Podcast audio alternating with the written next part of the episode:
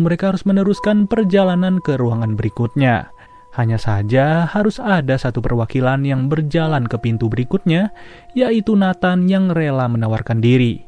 Sedangkan empat orang lainnya akan menunggu di tempat ini sambil memikirkan rencana berikutnya.